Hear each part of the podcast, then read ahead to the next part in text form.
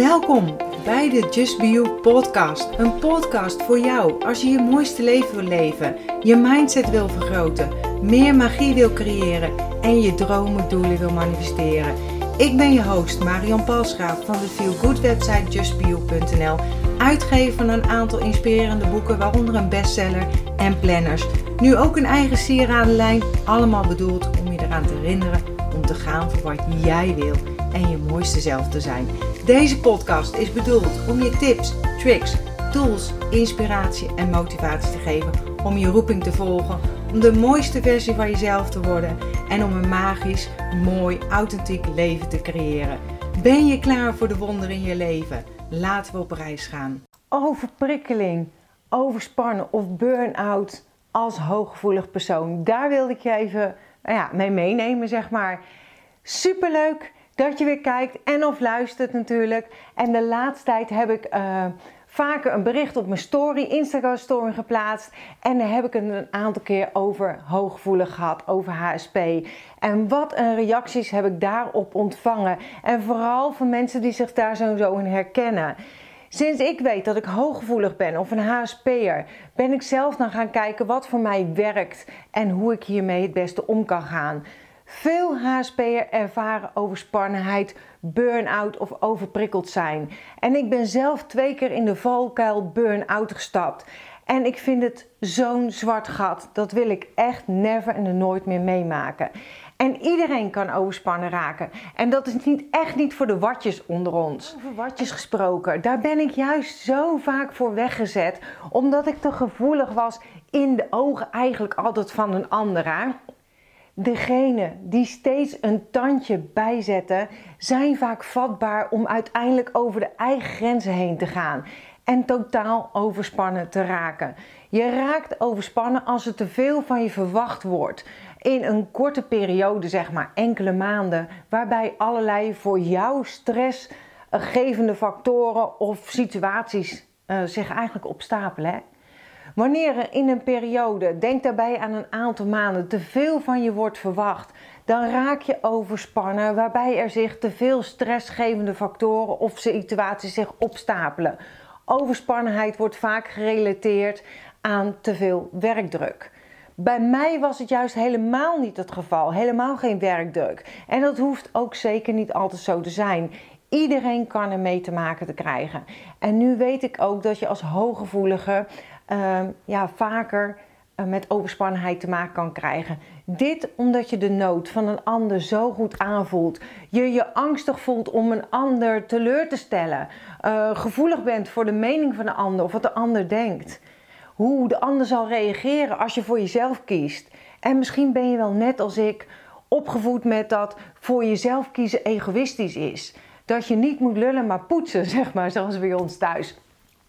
Overprikkeling, dus eigenlijk overweldigend zijn door alles of door emoties, is vaak op te lossen door jezelf te resetten. Even los te maken van alles en iedereen. En dat kan bijvoorbeeld zijn door even rust in te lassen. Je geeft je zenuwstelsel letterlijke rust door middel van stilte en beperkte zintuigelijke input, zeg maar.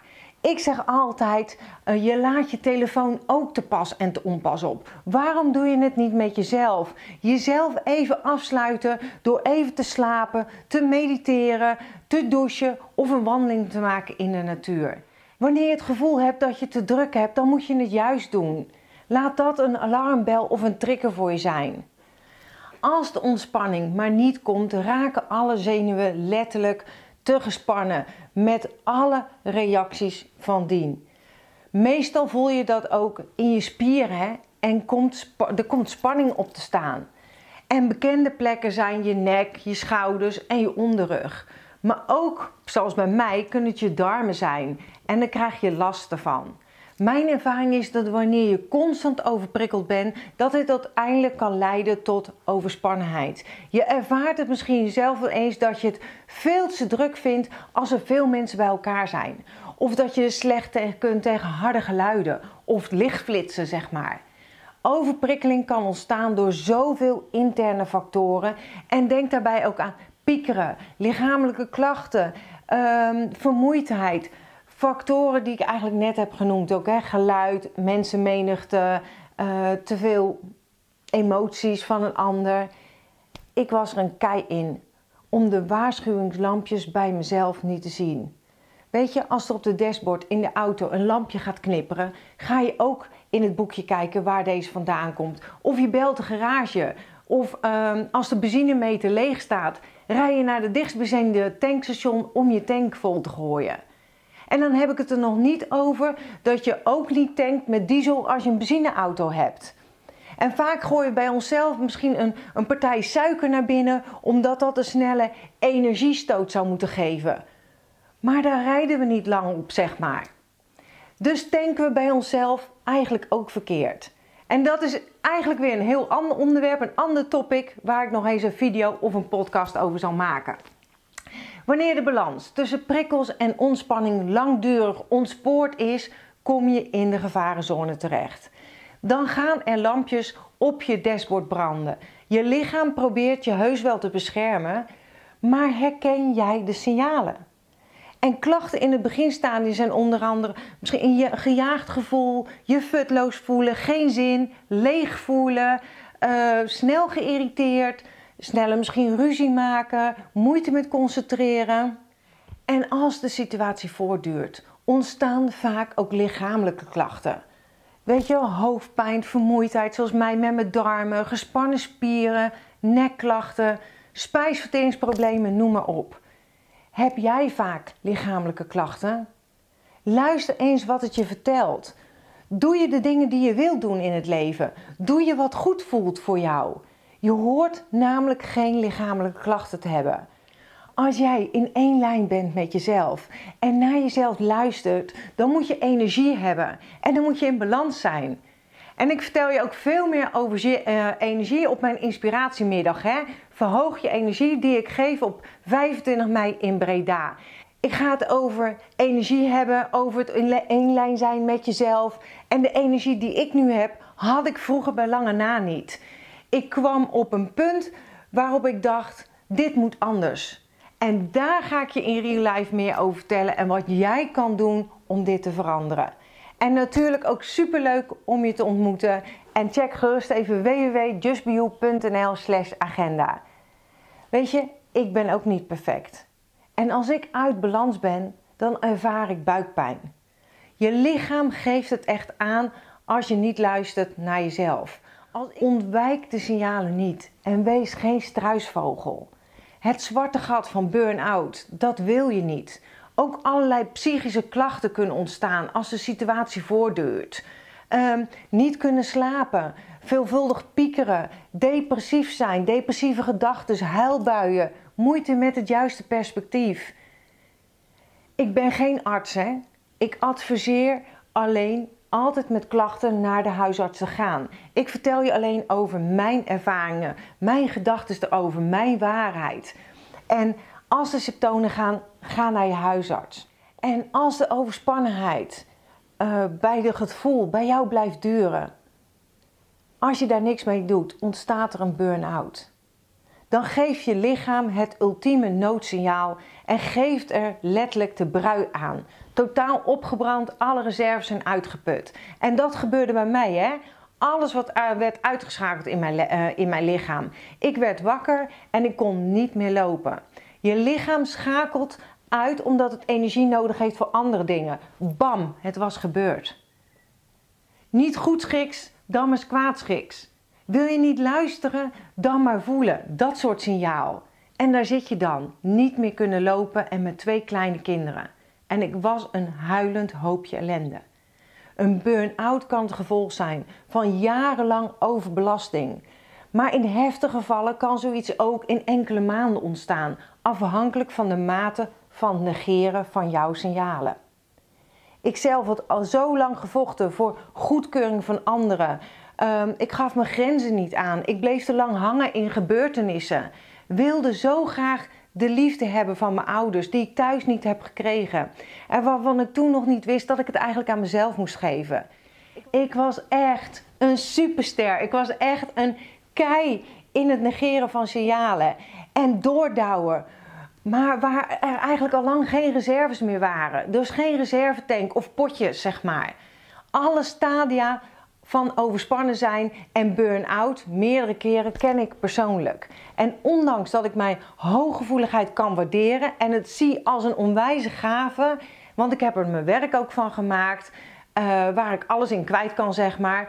En wat echt mijn passie is. En toch moet ik blijven waken voor mijn grenzen.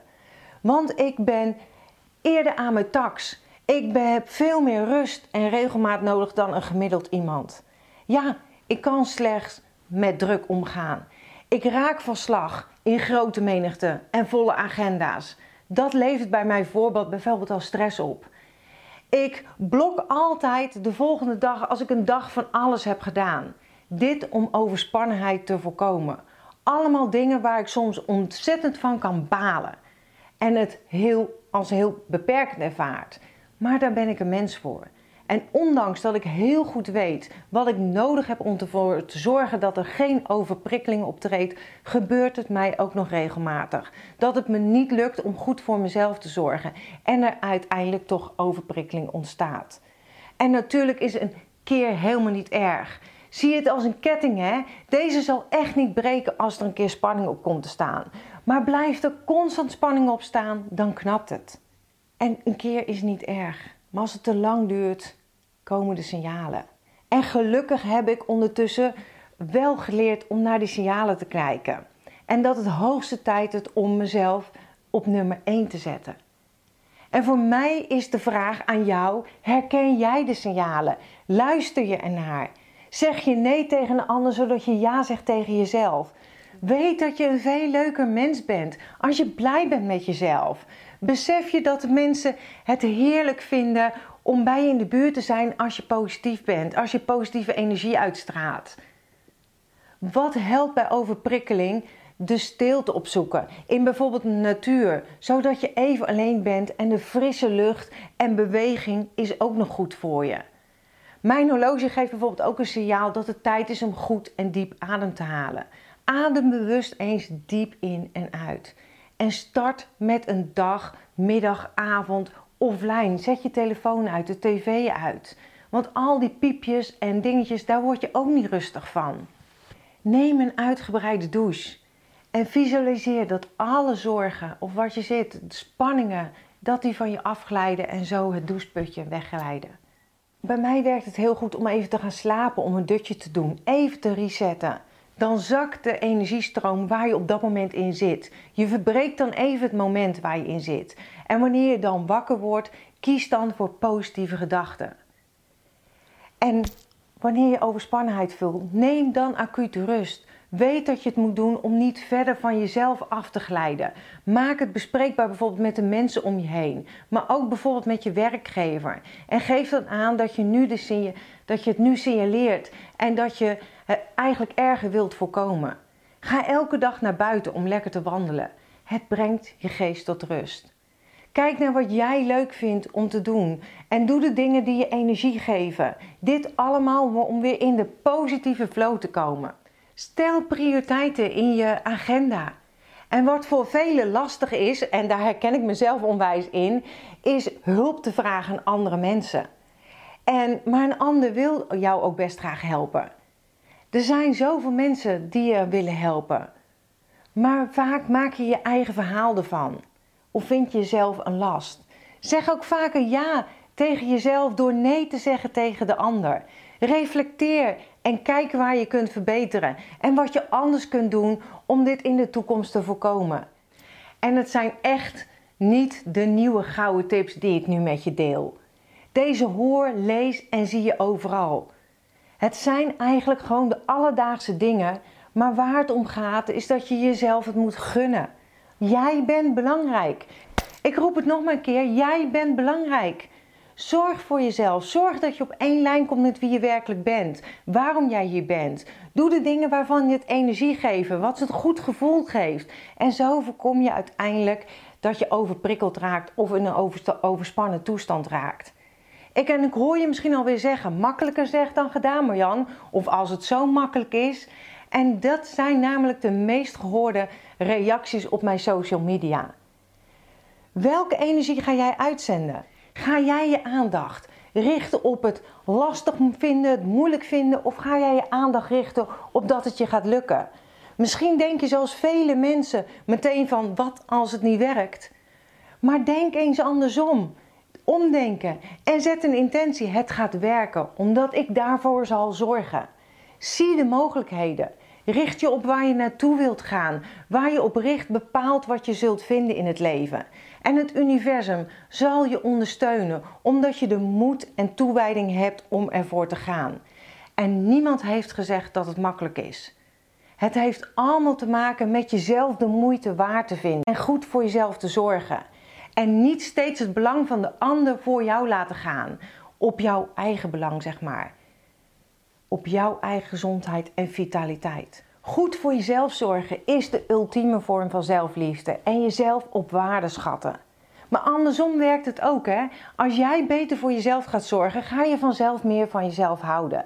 En zo is het cirkeltje weer rond. Je kunt ervoor kiezen om te denken op de manieren die je zullen ondersteunen in jouw pad naar gezondheid, naar succes, naar liefde, in plaats van op manieren die dat niet doen. Kies er bewust voor. Het belangrijkste daarbij is dat jij je goed voelt.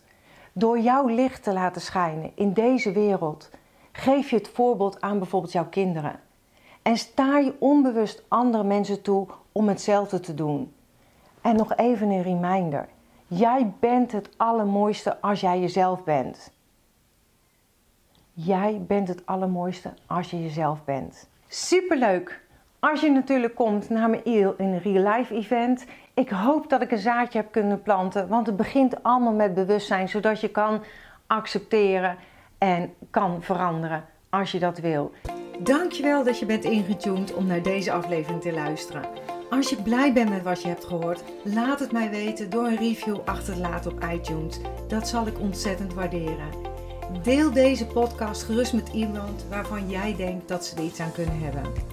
Als je me nog niet volgt op social media, Facebook of op Instagram, is het bijvoorbeeld justbeyou.nl. Of bezoek gerust mijn website www.justbeyou.nl. Ik vind het super dat je erbij bent en ik kan niet wachten om je weer te zien bij een volgende aflevering. In de tussentijd, denk om jezelf. En ik sluit heel graag af met mijn slogan. Accepteer dat wat er is. Laat los wat is geweest. En vooral heb vertrouwen in wat kan zijn.